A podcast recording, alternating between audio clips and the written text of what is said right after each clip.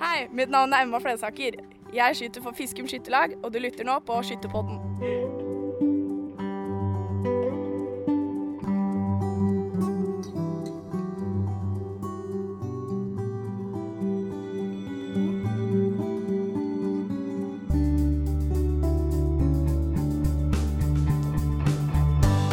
Ja. Ok. Eh, Hjertelig velkommen til episode to av Skytterpodden.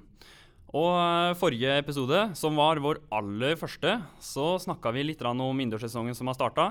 Vi snakka litt om økonomi og en eh, veldig kreativ eh, selger. Og i dag så har vi litt Vi har noen nye saker som vi skal gjennom. Superuka er nettopp gjennomført på 15-meteren. Eh, og så skal vi snakke litt om tidsplanen på Landskjønnsstevnet. Eh, og litt sånn struktur fra, på organisasjonen i DFS fra Terje osv. Og så har vi litt dingeldangel. Åssen er det med dingeldangel, eh, Terje i Det blir DFS? fantastisk morsomt å snakke om dingeldangel, som da var medalja, som Ola Five kalte det. Han kalte det for dingerdanger. Dette skal vi snakke en del om. Ja, og så har vi selvfølgelig eh, den faste spalten som kommer til slutt. Eh, den ble en hit etter vi snakka om Fredrik Nilsen. Eh, og det er altså vår lille historietime fra Terje. Og den heter nå Terjes hullkorn. Som er vi skal 100 år tilbake i tid. litt sånn uh, ordspill der, OK? Men uh, da er det egentlig bare å si uh, Er vi klare? Ja, Vi vi starter. Veldig bra. Vi fikk noen tilbakemeldinger fra Skytterpodden, bl.a. fra Odd Kolsrud. Jeg traff en nede i Fredrikstad på stevne, og så sa han at han skjøt nesten like bra som uh, Skytterpodden. Åssen kjennes eh, det ut da, Tom Vegard? Mm, Odd Kolsrud skyter jo stort sett bare sentrumsstyret, så da må vi ha treffet relativt bra i vår første podkast, som eh, var noe nytt og spennende for alle oss som var med. Jeg tenker at du, du får ikke noe mer bedre kompliment enn det, at Odd Kolsrud sier det. Nei, det, Eh, så det, det Ja, og det det tar vi til oss. Og Odd er jo kanskje den som skyter flest stevner i uansett idrett. Tenk det. Nærmer seg 80 år, mann. Skyter 200 stevner i året. Ja. Og så klager fotballspillerne på at de spiller to kamper i uka. Har skytt og tatt par hundre stevner i året. han. Vi, vi, får ikke, vi skal ikke legge oss på like mange podkaster som man skyter stevner. Nei, jeg, jeg tror ikke det. Um, OK. Superuka er gjennomført. Vi har hatt en haug med stevner her på Østlandet. Uh, du har fulgt opp uh, litt det som har skjedd, Vegard. Åssen uh, har det sett ut? Det har vært vanvittig mye gode prestasjoner av skytterne. Og det er jo veldig gøy at sånn som Oslo Open, som jeg var til stede på søndag, gjennomfører en finale hvor du virkelig får satt både skyteprestasjonene og ikke minst det psykologiske eh, litt på plass. Og det er imponerende sånn som Kim André Ånestad Lund herja i finalen der på søndag. Mm. Jeg har en liten eh, bemerkning da, fra Det er jo noen uker siden det nå, da. Eh, Det er fra Viken 2. eh, 15 meter. eh, eh, Og der har vi en skytter. Han heter Hans Øyving Kvilesjø. Han er selvfølgelig fra Sarpsborg. Og han, han kom inn i skytinga gjennom Det var egne barn som begynte å skyte, og så slutta de. Men han fortsatte. Og så begynte han å skyte stående for første gang i oktober i fjor. Og nå, nå så skyter han uh, poengsummer på 2,45 uh, og 3,43. Og han tok medalje i lagskytinga, som gikk til Østfold. Er, er, det for er det litt for lett, kanskje? da? Det hyret, er det, altså, hvis du...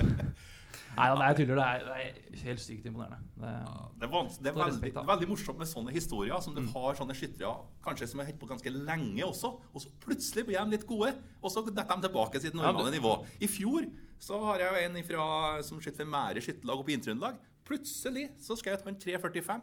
Jeg kan si navnet Tore Brandtzæg, og han skyter jo vanligvis ikke 3,45. Og så moro at skytesporten kan være sånn. Like moro det at han skyter 3,45 som at en Kim Andre skjøt 10 ganger 3,50. Og så tror jeg det som er utfordringen både for meg som skal skrive om denne sporten, og ikke minst miljøet ellers, er at det blir veldig mye fokus på de gode toppresultatene av de fremragende skytterne vi har i klasse 5. Men utfordringen i eh, DFS og skyttersporten er å få enda større aktivitet blant klasse 3 og 4-skytterne, som som kanskje vegrer seg litt for å bli med på stevner og sånn, nettopp fordi resultatene er så gode av de beste. Mm, det, er jo faktisk de som ønsker seg ned i eh, klasse 2. De er litt redd for å skyte stående. Altså, ja, jeg så jo på noen tall fra Oslo Open og det stemmer på Oslo Østre. Der, eh, av de som skøyt klasse 1 til 5, da, så var 12 av dem da i klasse 3. Eh, og vi sier jo vi skal være en breddeorganisasjon. Og da tenker jeg at da i, I den ideelle verden så burde det kanskje vært flere da, av de tredjeklassingene som deltok på stevnet. At det var en større andel av de som deltok. Um, så Ja. ja, jeg lurer litt på hvorfor det kan være sånn. Mm. Kan, Ja, jeg leste resultatlista nå neant. Jeg gjør det mange ganger når jeg ser resultatlista. Det var 64 nå på Oslo Open som skjøt under 32 poeng. Jeg skulle gjerne sett det tallet var mye høyere av de som deltok. Og det, når jeg studerte Oslo Open nå fra 2002 til 2017, så er det greit nok å se at nivået har hevet seg på de beste. Det har blitt et mye større stevne òg, selvfølgelig. Ja. Men det at nivået også på de dårligste hever seg, er nesten litt mer bekymring. Altså, det er jo ikke bekymringsfullt at folk blir veldig gode, men det er litt bekymringsfullt at det blir så høyt nivå av de som er nederst på lista, at de kanskje føler seg ikke velkommen til å være med noen. At nei, jeg skyter nå bare 2,25, jeg, så jeg skal faktisk ikke dra på Oslo Open. Hvis det sniker seg inn i DFS, så er det fare. Og det er også en fare på landsskytterstevner og andre store stevner at du må holde et visst nivå for å kunne være med på stevn. Sånn skal vi altså ikke ha det. Så jeg sier at ære være alle dem som er på landsskytterstevne og skjøt under 2,30. Det er der det skal være. Vi må ha flere som skyter under 2,30. Du Det er jo en representant for sjøl. Du ønsker enda flere på ditt eget nivå, skjønner jeg. jeg. ja, ja, ok, det var sånn det var, ja. Mm, det er bra du sier det med en gang. Vi kan jo si at uh, Altså, hvorfor altså, Er det utstyret som har blitt bedre? Så hva er det? Altså, det, er vanskelig, men jeg tror også litt som du sier, Terje, at det er Kanskje folk tenker at det, altså, ja, Er det vits å dra og skyte stevne hvis du skyter 200 poeng? Og, og det syns jeg er skummelt, fordi det er nettopp de vi trenger, de skytterne. Det er absolutt de vi trenger. Og, og, og bare for å ta en, en greie nå, da. Nå er vi altså rett før jula, der veldig mange har eh, juleskytinga, Ja, Skyter på ja. forskjellige skiver. Gjør mye moro i laget. Og det er der det må starte ufarliggjøringen. At du begynner skytterlaget. Skape et godt miljø der. At du blir inkludert, sjøl om du ikke Ja, er en skytter som er- driver skyter 240. Gjennomsnittsresultatet altså i helga på Oslo Open var 2.38. Og for meg så er 2.38 et ganske bra nivå. det, altså. det er høyt. Så det, det er noe som har skjedd der, og, Ja. og vi må holde på det som skjer i lagene. At folk føler seg vel der, og at de forsiktig blir tatt med på stevner. Og ikke trenger å sett fem stevner i helg heller. At du forsiktig får komme inn i det miljøet og være med rundt. Og i Oslo i helga det morsomste som sikkert skjedde, det var jo rundt om på alle restauranter i byen her på lørdagskveldene, der folk kosa seg og samla seg og alt det der. Det er kjempeviktig for miljøet å bygge det. Jeg så det var bowling blant annet, var det noen som drev med. Så det er, viktig. Men det du sier med juleskyting òg, jeg må ta opp den igjen. For jeg hatt det eget lag, og jeg vet mange andre lag som har det. Så annet Råde nå hadde juleskyting, og de hadde 65 stykker som møtte opp med, med, altså, med ungdomsskyttere og foreldre. Og, og det er en så fantastisk arena for den, den sosiale biten vi snakker mye om. da.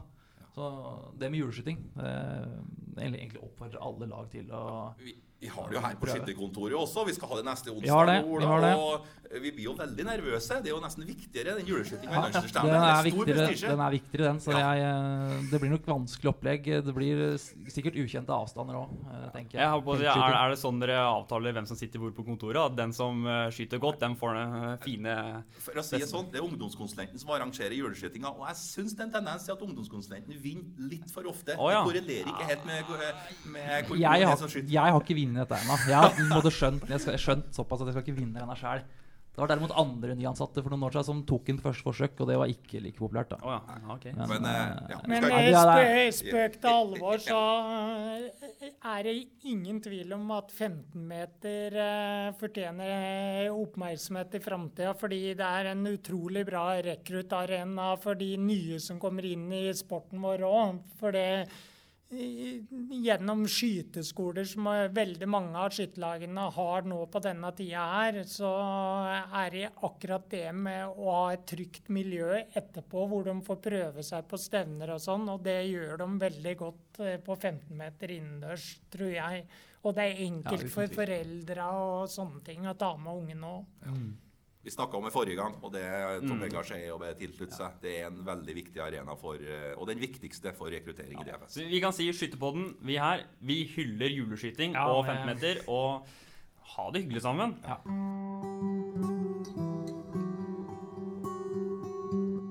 det er eh, kommet en foreløpig tidsplan til uh, landsskytterstevnet. Og vi kan jo bare starte med litt sånn eh, Litt av hovedpoenga med den. Den har vi på et eh, veldig fint ark her. Jeg vet ikke. Terje, vil du starte, eller? Ja, neste år skal vi jo ha et uh, stort stevne i Stjørdal. De skal arrangere landslagsstevne for første gang. Og når det blir et så stort stevne, så blir jo også stevne uh, ganske lenge. Det er utfordringa vi har fått i år, og fått en del reaksjoner på den tidsplanen vi la ut, det er at det starter allerede på torsdag og varer til neste fredag. Så det blir liksom ni dager. Det grepet som ble gjort der i, i år, da, som var nytt for uh, neste år, er jo at militært NM er flytta inn i stevneuka. Det gjør vi jo også for at de skal få litt mer oppmerksomhet midt i uka og hylle de skytterne. Det har medført at på den foreløpige tidsplanen som vi har tenkt så langt, må vi begynne med noen klasser allerede på torsdag. Og da blir det jo noen som sier at det spiser av to uker. Og det er jo en reell bekymring, det. Hvor lenge skal et landsdelsstand vare? Mm. Sitter sjøl som sekretær nå i et LS-utvalg som skal tenke landsdelsstevne en 20-30 år fram i tid. Og der er tanken som vi snakker om, at vi må lage et landsdelsstevne der folk vil være en hel uke. Og det er det vi begynner å snakke om her òg. Blir landsdelsstevnet sånn at folk bare sånn drive-in, skyter, blir ferdig med å fare hjem igjen? Eller skal vi ha et stevne der vi håper at alle sammen vil være og bruke den uka det er. Men det er klart, nå går vi inn i den andre uka, og da skaper det noen utfordringer. Men vi skal se litt mer på tuninga av den tidstavlen nå, så det er akkurat en aktuell sak. Mm. Jeg syns jo det du sier, Terje, om, om landskytterstevnet skal være en sånn eh, arena hvor de kommer og skyter og reiser hjem, eller om det er et sted hvor det, det er en happening. da. Så kan jeg bruke eksempler fra eget lag, hvor vi hadde tre-fire familier kanskje i fjor som var på LS for første gang. Nei, i år, altså 2017. Og det var så gøy å møte dem oppe på arenaen eh, i Førde med svære øyer. De var, de var, helt satt ut av hvor stort det var. Og når vi kom tilbake da fra Førde, så var det allerede booka um, sånn felles eh, eh, skole tror jeg vi har leid nå, som skal bo på neste år. At, og, det, og, det, viser hvor viktig den are, sosiale arenaen landskjøttsstevnet er. Og er helt, den, jeg tenker at det er helt uvurderlig for, uh, for organisasjonen. da. Men jeg, jeg tror òg at uh, storparten av de som drar på landsskytterstevne hvert år, drar dit fordi det er en sosial arena hvor de har det hyggelig sammen. De finner på grillkvelder. de har det hyggelig på stevnearenaen. De uh, drar og gjør felles aktiviteter på kveldstid. De treffer skyttervenner. Og jeg tror veldig mange hadde kutta ut landskiftsstevnet dersom det sosiale aspektet ble borte. Ja. Selv om alle håper å få et resultat i bunnen, Da. Men jeg må jo si det. Altså, det er jo som, som rekrutt, som veteran og klasserytter, det er jo de som, som satser på å gjøre det godt òg. Og klart at hvis det blir veldig lenge mellom innledende skyting og finale, så klart det blir en avstand øh, og, som kanskje ikke de føler er heldig. At det er viktig å belyse det. det er, man drar dit, man trener for LS hele året. Og så derfor, man vil jo eh, gjøre det godt. Derfor tror jeg i alle sånne sammenhenger så er det, det er så mange avveininger som må gjøres, at jeg tror noen ganger så går det på bekostning av noen grupper, men eh, jeg tror man skal ta med alle sånne innspill, om det er pga det sosiale eller blir for lenge imellom. For jeg er helt enig at uh, går det fem dager fra du skyter innledende til du skal skyte finale, så kan det være for lenge. Det, det har jeg ingen problem med å se for meg som har sett landsskytterstevnet utenfra i tolv uh, utgaver før jeg begynte i jobben, så, så ser jeg dem veldig godt. Det er en stor eh, jobb å sette opp denne tidsplanen, som eh, Tom Vegard sier. og Vi prøver jo å legge den til rette best mulig. Det er mye tanke bak en tidsplan. Bl.a. det med rekrutteringsskytterne. At de ikke skal, skal bli skåna nå for å hvert fall være ei uke. Men det som er utfordringen, og det som vi, vi snakker om, selvfølgelig, det er at feltskytinga er helt til slutt. For det er en svær omrigging, og vi må gjøre den i forhold til tidsplan og ta den en, bare én gang i å rigge om. Og det at det nå er på fredag og helt til slutt, det er jo det også som skaper noe irritasjon her. da. At du, sånn som vi la den ut, at en tredjeklassing som skjøt innledende skyting på torsdag, og venter altså til neste fredag før finale, det er å forstå at, at, at de tenker det. Og så er det jo, For å se sånn konkret på tidsplanen, da, så er det kanskje ikke altså når Jeg er jo, er jo ungdoms, ungdomskonsulent. og ser, Når jeg ser på tidsplanen, så tenker jeg mest på ungdomsskytterne. Og akkurat ungdomsskytterne er det nok ikke så stor endring eh, fra tidligere år. Så de slipper nok eh, Eh, altså, det, er ikke, ja, det er ikke de som har størst grunn til å klage, egentlig. eh, sånn sett. Eh, men jeg ser jo det at eh, når du skal, når du skal ta inn militært NM, og det, det blir et større stevne, så må det må nesten bli sånn også. Og som Terje sier, den omrigginga som skjer av skiver og sånn til feltfinalene, er såpass stor. Så det, det, det er eh, Du kan si, vi, vi kunne sagt at ok, dere, Kongsberg dere må gjøre det på så og så mange timer, men det tar faktisk en viss tid å få det til. Vi, det- vi gjorde grep i 2012, da stevnet var så seint. Da fikk vi hjem eh, ungdommen tidligere. Da tok vi og pressa fram eh, noen feltfinaler. Og En kunne jo ha sett for seg noen andre løsninger. At noen av disse feltfinalene til ungdommene eller veteranene har foregått der innledende skyting foregår, f.eks. eksempel. Da har vi kunnet fått, tatt dem unna fortløpende. Så Sånne tanker har vi også nå, om det kan være grep for framtida. Men for klasse 3 til 5 så er ikke det så greit. og Der har vi denne at vi må legge dem på banen, da, som vi nå har gjort. og Da er det litt sånn større omrokeringer for å Ja. få det til. Ja. Vi, vi snakka jo vi en del om den saken der sist. Uh, og siden da så har landslaget kommet med et innspill på hva de mener eh, er viktig uh, med tanke på feltfinalen. Uh, vi kan trekke fram tre hensyn. Sportslig hensyn, ivaretagelse av bredden og status eh, øvelsen får av eh, skytterne. Tom Vegard, kan du ta oss gjennom eh, landslagets uh, uttalelse? Sånn kort. De har mange tanker og har jo utdypa en del av tankene sine, men sånn kort fortalt så ønsker de vel at felten skal gjennomføres som i dag, med samme vanskelighetsnivå og med samme mulighet for breddeskytteren å vinne som det det har vært i dag. Eh, at de ikke ønsker noen veldig store endringer på eh, selve gjennomføringa, men at de ønsker å flytte feltfinalene til dagen før kongelaget igjen. Mm. Fordi de skal få økt oppmerksomhet og tanke bak. Det er vel sånn kort fortalt det landslagsskytterne tenker. Ja. Det henger jo tett sammen med tidsplanen dette her òg, ikke sant. Vi kan jo trekke fram uh, akkurat det du sier der. Ja, det her er henta fra, fra saken du skrev. NM Felt har fått en stemoderlig behandling på LS. Uh, og antall tilskuere under kåring påvirker opplevelsen av å delta i finalen. Jeg som òg har vært på landsskytterstevne før jeg begynte i Norsk Skyttertidene, så er det jo ikke noe tvil om at endringen som gjorde at feltfinalen kommer siste dagen, gjør at det er mye færre publikum når eh, NM-mesteren skal kåres. Og, og det, det er forståelig at det er litt vanskelig, men jeg personlig, ut fra mine egne tanker, eh, mener at eh, å flytte kongelaget til slutt vil bare gjøre at man flytter problemet til kongelaget kontra feltfinalen. Eh, Så jeg har ikke tro på den endringen, men jeg skulle ønske at fokuset hadde vært enda bedre og fått enda mer fram norgesmesteren i felt, for han fortjener mer oppmerksomhet enn det han har fått de siste Mm. åra.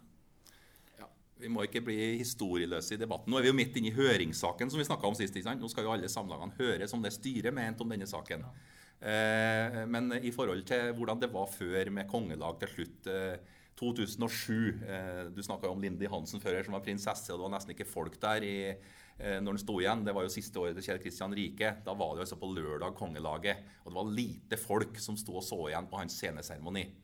Eh, morsomt nå da at godeste Jon Olav Ågotnes kommer med et forslag om en annen måte å gjøre eh, feltfinalen på, som vi gjorde i 2008, nesten akkurat som han sa. Da vi altså tok ut ti skyttere fra det siste laget og sa at du har skutt så godt at du er blant de ti beste. Du har skutt så godt at du er blant de ti beste. Gikk på det siste finalelaget. Han ville ha 15 nå, men han var en sånn måte å få det på for, som en sceneseremoni også for feltskytinga. Mm. Da var feltskytinga inn i uka ennå, for det var siste året i 2008 at vi hadde eh, sceneseremoni. Da med Tord Bertinus og Ola Lunde, som med respekt å melde ikke var noe særlig bra, selv om Vebjørn gjorde en fantastisk innsats og skjøt ti innertiere av beskytterkonge og alt det der. Det slutta jo da NRK med og sa at dette kan vi ikke fortsette med sånne sceneseremonier. Tor Idar Aune har gjort sånn med, med, med glans senere. Men når vi da tok kongelaget til, eh, inn i uka og feltfinalen til slutt, så ble vi enige om, eh, sjøl også sammen med Tor Idar, at det var ikke måten å gjøre denne, eh, denne kåringa som Jon Olav nå foreslår, å trekke ut enda mer ut av den eh, feltfinalen til slutt med å ha en sceneseremoni når stå, folk står med nøkkelen i hånda og skal hjem. Da var det bedre å ta det fra standplass. Så eh, det var ikke noen nye tanker Jon Olav kom med. Vi fant ut der i 2008 at det var en måte å ha en sceneseremoni. Men å gå tilbake til nå, så lenge at NM-feltfinalen er til slutt, det vil være antallet en dårlig løsning, for vi trekker ut en spenning. Og i stor, stor grad også så vil jo heller ikke norgesmesteren ligge på de siste skivene. Det har vi erfaring fra de siste åra. Men som Jon Olav sier, eh, han som er best før de 15, skal jo stå på scenen og ta med seg én og én og én skytter. Men dramaturgien her kan bli litt krevende, og det er i hvert fall sånn som eh, arenaprodusenten vår Tor Aune fram til nå har syntes at dette blir ikke en god måte å avslutte på, og han har gode tanker rundt hvordan det skal gjøres. Så eh, det var kanskje å dra den Men altså, det, det, er noe med at når kongelaget var til slutt til før, så var ikke så veldig mye folk igjen på de siste årene. Men det har kanskje folk glemt litt. Men jeg vil mene å ha lest at, uh, at litt av poenget er at da var den på lørdag.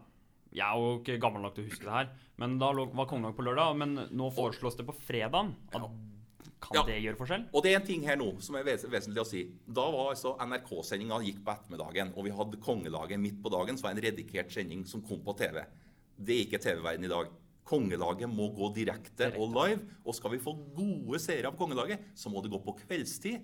Og da er det altså en svær utfordring hvis vi skal få folk på, hvis kongelaget skal være slutt, og få folk til å bli igjen på landsdelsstevnet til klokka ni en fredag kveld. Da må vi antallet ha noe mer å tise med enn bare et kongelag for at det skal bli fullt på arenaen. For det ønsker jo for kremsendinga som er på NRK fra kongelaget. Så det at det også er noe live og sendes på kveldstid, er en utfordring i seg sjøl. Har kongedag kunnet gått midt på dagen på fredag, og det har vært store seertall da, så har vi kunnet ha det da, ikke sant? Det er jo dette som er sjarmen med sånn NM feltskyting har vært nå, er at eh, vi har en 70-80 personer som faktisk har mulighet til å vinne når vi går inn i finalene. Eh, men det gjør det jo veldig komplisert i forhold til når man skal avvikle kongelag, hvor du har noen skyttere som vil bli skytterkonge blant de siste skivene. Det er ingen hersker ikke noe tvil om, men i feltskyting så begynner alle med 30 treff. Sletter jo innetreffet, og så begynner de på likt igjen før finalen. Og det er det som gjør det litt komplisert. Mm. Samtidig må vi prøve å heve statusen for eh, NM-felten, for det tror jeg er veldig viktig. Og da er det igjen avveiningene mellom hva man ønsker å få til for at bredden skal være med, kontra oppmerksomhet. Så jeg, ja, jeg sitter jo og hører på hva dere sier, og det er Jeg må bare si det, da, at jeg jobber jo på skytekontoret, men til og med jeg syns det er vanskelig å ha oversikten over på en måte alt som må på plass da, i den tidsplanen. Det er så mange ting, og det, det vet jeg ikke om alle forstår. Det er så mye som skal klaffe. Som, det kan ikke altså Jeg kan godt sette opp et forslag til tidsplan på ungdomsskytterne, ja, men da får jeg bare Nei, det må være da. Det er så mange ting. Så det er, altså, det er all ære til dem som eh, klarer å sette opp det her også. Det, du kan si den. Men eh, når det er sagt, så jeg, nå skal jeg ta til orde for oss som er fargesvake, altså som ser litt farger. Jeg klarer ikke å se fargene på en tidsplan her. Det er en annen ting. Altså, det er eh, hvilke Trenger du hjelp? Altså, nei, men altså, Geir Finstad, du må bytte farger på tidsplanen, så vi alle, alle kan se. Gult eller blått eller noe, sånt, så jeg ser det. Får håpe han hører på. Men ja, det gjør det, jeg tenker bare for å avslutte her, det er mange hensyn å ta. Uh, fordi jeg vil ha oss over til neste tema. Uh, og jeg, hadde lyst til å avslutte med en liten ting. Ja, okay, vi, vi, vi, tok altså ikke den greia nå i forhold til for det er mange snakker om at dette er NRK, og så flytta dem et, en dag i år, og alt det der med NRK som de styrer med. De må ikke få ha noe de skulle ha sagt med tidsplanen i DFS. Og det er i utgangspunktet riktig, det, og de er veldig gode samarbeidspartnere.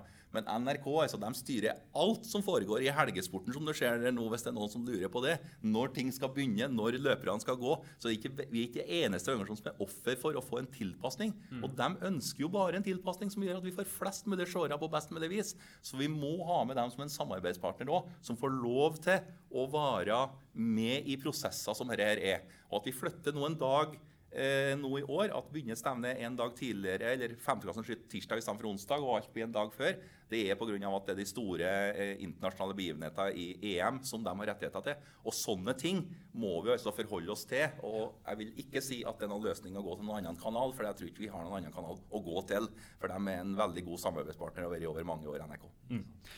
OK. eh, Ja, jeg skulle bare si, Nå syns jeg du lever opp til ryktet, Terje. For Sist så fikk du litt tyn for at du var litt kort og sa litt lite, men nå, nå, nå er det bra. nå, det er akkurat passe nå, Terje. Nå Nei, du er bare fortsett, men nå, nå er det sånn jeg kjenner. Hvordan kan den vanlige skytteren, da, som brenner inne med litt meninger, eh, påvirke f.eks. Eh, tidsplanen? Eh, det, er, det er mye meninger rundt på forum og i skyttermiljøet. Og nå er vi jo inne i den tida hvor man kan si meninga si. Eh, man har årsmøter, og nå kommer ombudsmøtene. Eh, men aller først så tenker jeg da vi kan begynne, Terje, med hvem bestemmer hva i DFS? Ja, det er jo komplisert og hvilke, hvilke spørsmål som skal bestemmes òg. Men det er interessant det du starter med her nå. Nå har vi hatt årsmøter. Veldig mange skytterlag er ferdig med årsmøtene sine. Og det er jo der alt begynner. Hvis man har et forslag til en endring, så må man jo få med seg skytterlaget sitt til å være enig i det.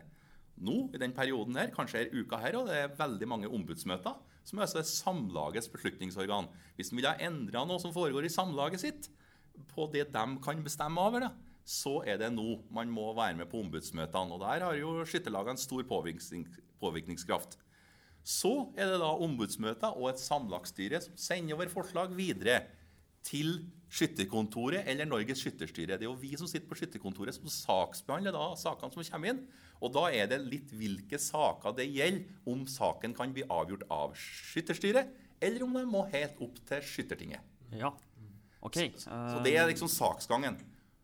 Nå har vi jeg må bare ta en ting, nå har vi satt ned et organisasjonsutvalg i DFS, som leder av visepresident Heidi Skau leder. og Der skal vi gjennomgå hele strukturen i organisasjonen.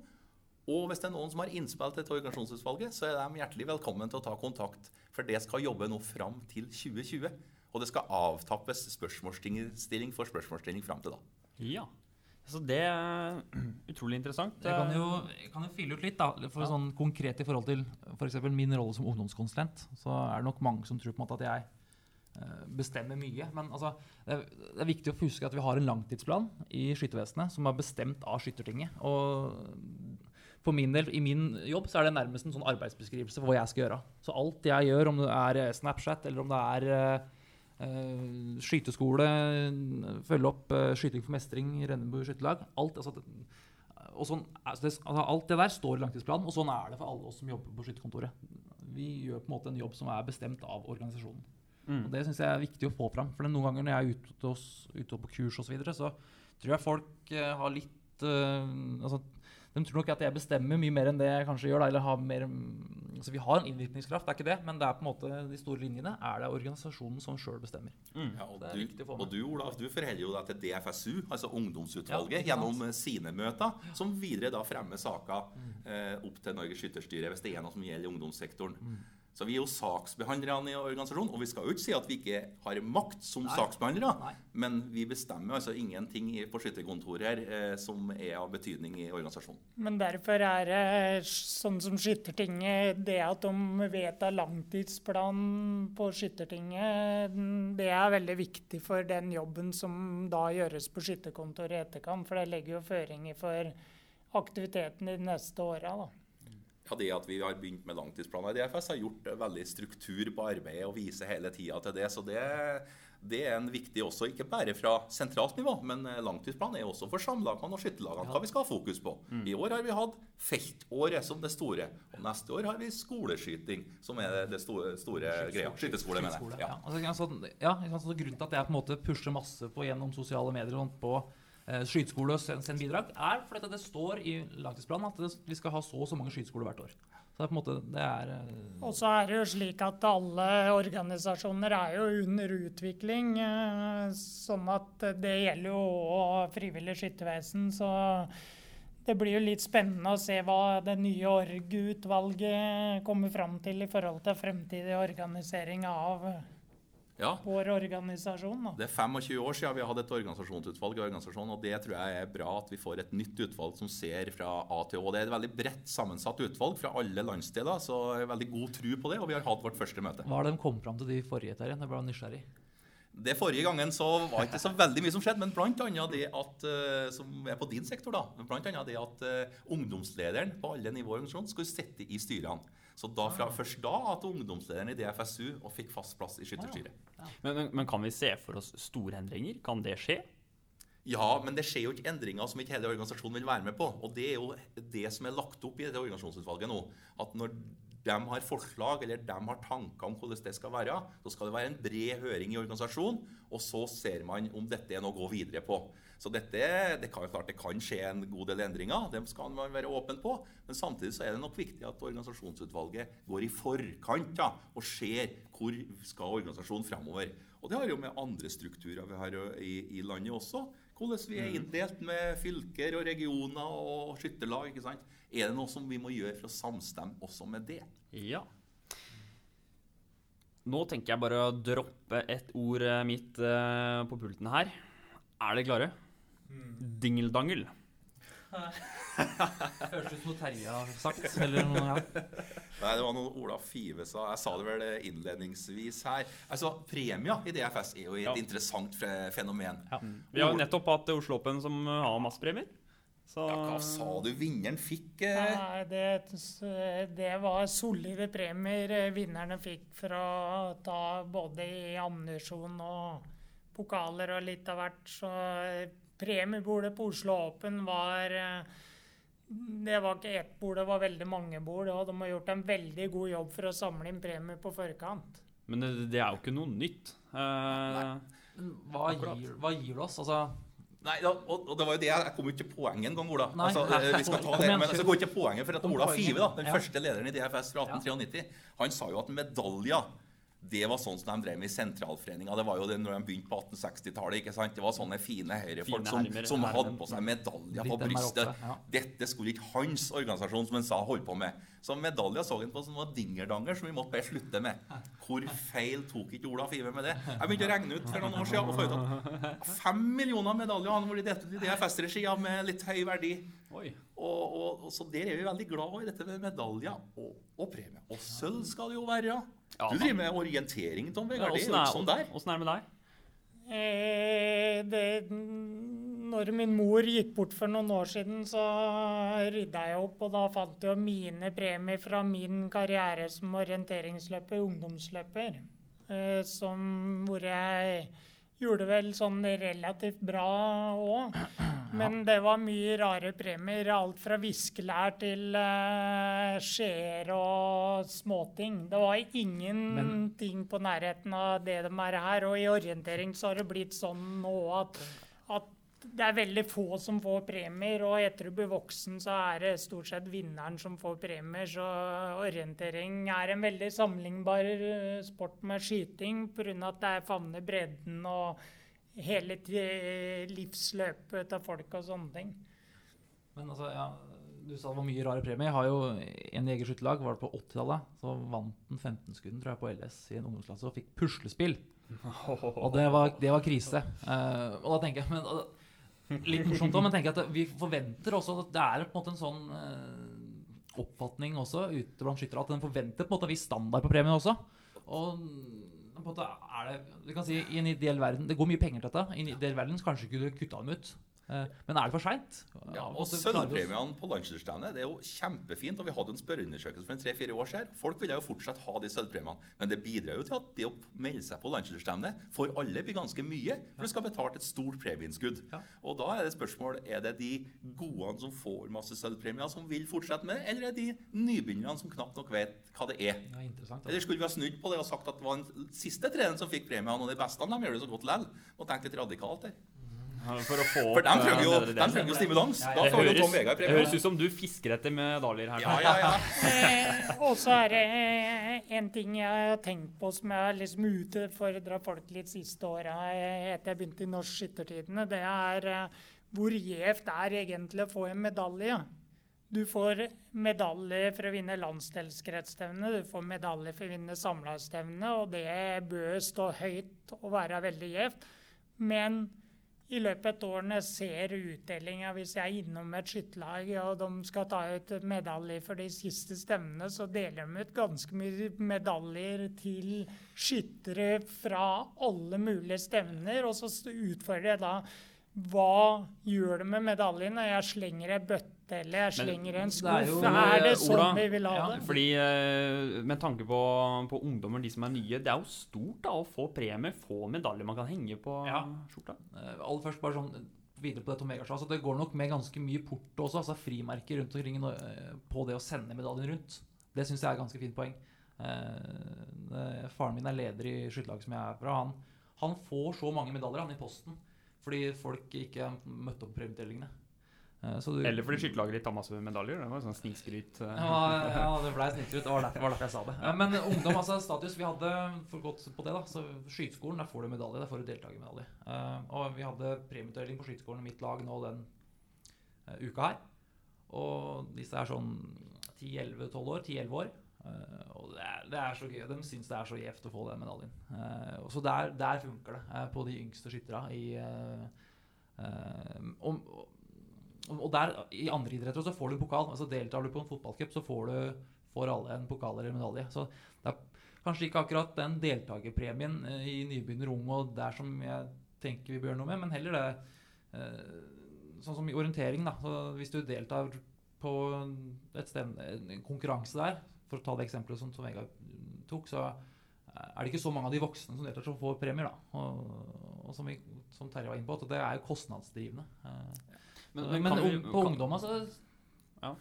Nei, på, på skyteskole, for eksempel. Da. Men Den medaljen, den har, ja, den har hensikt. Den, Du er en fornuftig mann, du, Ola. Det ante jeg ikke. Ja, jeg det. Men jeg bare lurer på, Kammen, fordi åssen eh, har det utvikla seg at det har blitt så mye? Kan vi forklare det her med litt sånn historisk kontekst? At det er noe hederlig ved å skyte? At, at det, formålsparagrafen At det skal tjene landets eh, beste, og at ja, det er noe edelt å kunne håndtere våpen? Ja, er noe, er noe sånn mannegreier, å tenke. At mannfolk har masse medaljer på veggen er det noe som de tror de drar damer på? eller et annet greier. Altså, Er det noe der som altså, Hva er det å vise fram medaljene sine? Kom og bli med hjem og se medaljene mine. Det må jeg si. For når, når Hæ? Altså, det med de, Altså, jeg er jo gift og greier, og, men jeg har det Jeg har medaljer. Men du, du, du, skal, du skal ikke skytes veldig mye før du har en del medaljer. Men jeg dro ikke Jeg ble ikke gift pga. de medaljene. Si sånn. De Nei. henger hjemme på gutterommet ennå. Jeg får ikke lov til å ta med dem til der vi bor nå. Så det, det er ikke det som gjør altså. Det er ikke det at du drar damen på det. det. Jeg har i hvert fall ikke møtt den dama. Nei, og, og det Det er klart at Er hun skytter? Uh... Nei, Men Terje Ja, er kanskje det, da. men ikke Nei, men jeg tenker det, er også, det er litt sånn eh, Men vi er glad i premiene våre, og jeg også, var også, er også kjempeglad i premiene mine, spesielt dem jeg tok som rekrutt junior. Så det var noe annet av det Ja, også. ja, ja, ja. Sant? Og det, det er veldig fint. Men det skal være sagt. Jeg har premiene mine på hytta nå, og når du ser premiesamlinga mi, så er den jo som at jeg har vært en toppidrettsutøver. Ja, det- ikke sant? Jeg har en kom kamerat som har vært eh, mange år en av Norges beste skihoppere. Kommer hjem til han og ser premiehylla hans. Ja, det er nok noe å stille opp med i forhold til meg. Så det er liksom noe så rart med det. Men altså, vi holder jo på lenge og setter vi får store premiesamlinger. det, det du spør om, Sveinung, er jo liksom hvorfor er, har det blitt sånn? Og jeg, før da, så var det vanlig i andre sporter òg at det var så mye premier. Hvis du ser på, hvis du vant et uh, skirenn i gamle dager, så hadde du fått et kjøleskap, og det var deltakerpremier. og mm, Jeg har lest i gamle protokoller uh, ved skytterlaget, og da var det sånn i skytinga før også.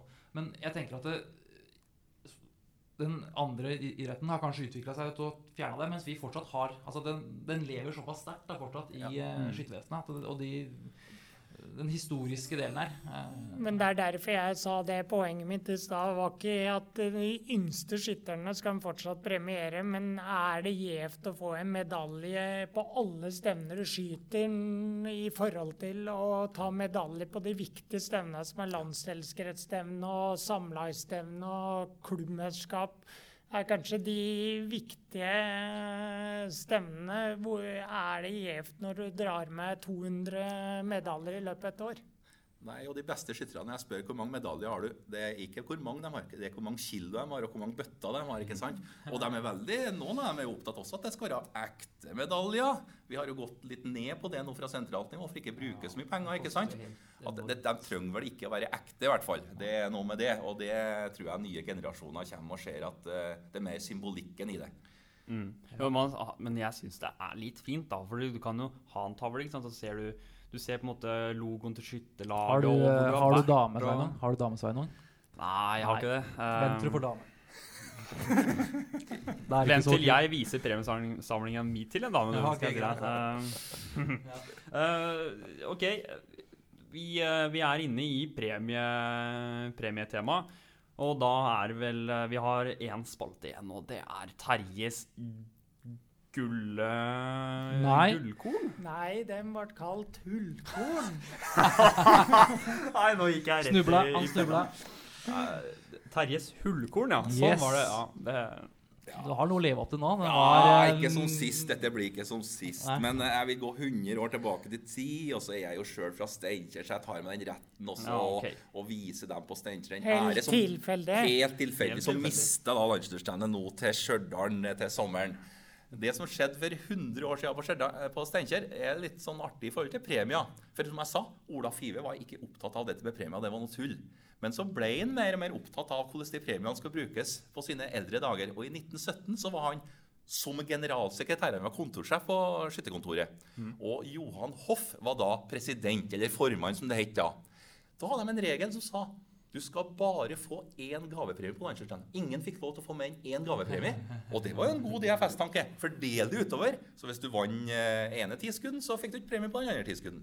Men skytterkongen det året, Paul Vikals, han fikk både gavepremie og kongepokalen. Oh, uhørt. Og da sa Ola Five Brannfakkel. dette sitter jeg som generalsekretær for et styre som altså deler ut både en kongepokal og en gavepremie. Han skrev et leserinnlegg i Skyttertidene som var å ta, nesten ta livet av daværende formann. Og sa at, at, at jeg er generalsekretær. Det, det kan jeg nesten ikke finne meg i.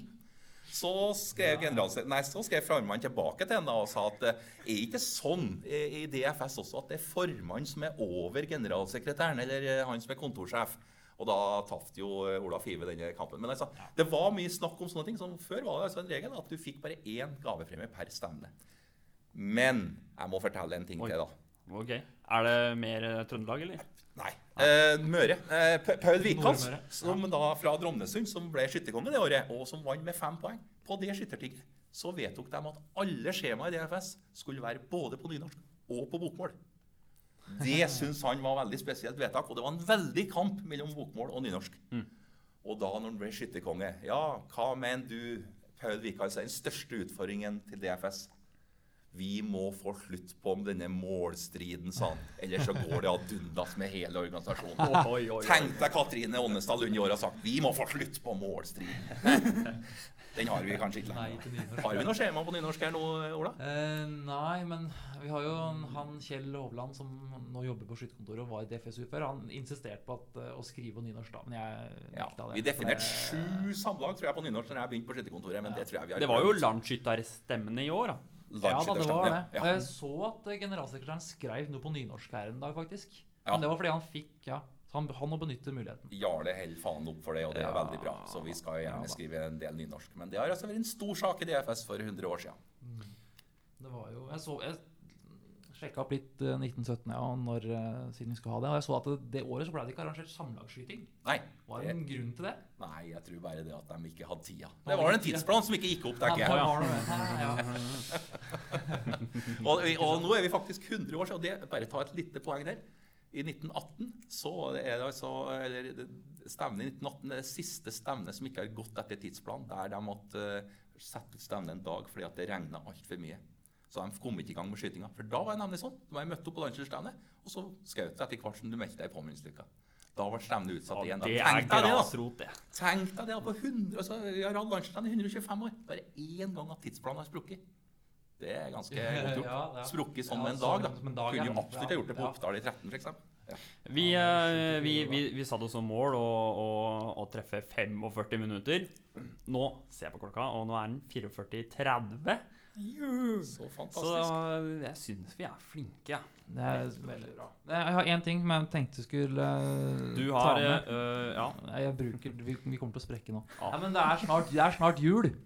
Og eh, jeg lovte, lovte salgssjefen at eh, folk må ta en titt i nettbutikken til Kommer det eh, kondomer? DFS. Eh, Det er ikke kondomer der, men vi har masse ting der som kan være til en skytter som har alt. Hvorfor ikke kjøpe et gavekort hos på Og er Sluttkontoret. like viktig er at eh, DFS er en av få organisasjoner som har et eh, eget blad som er såpass fyldig fortsatt.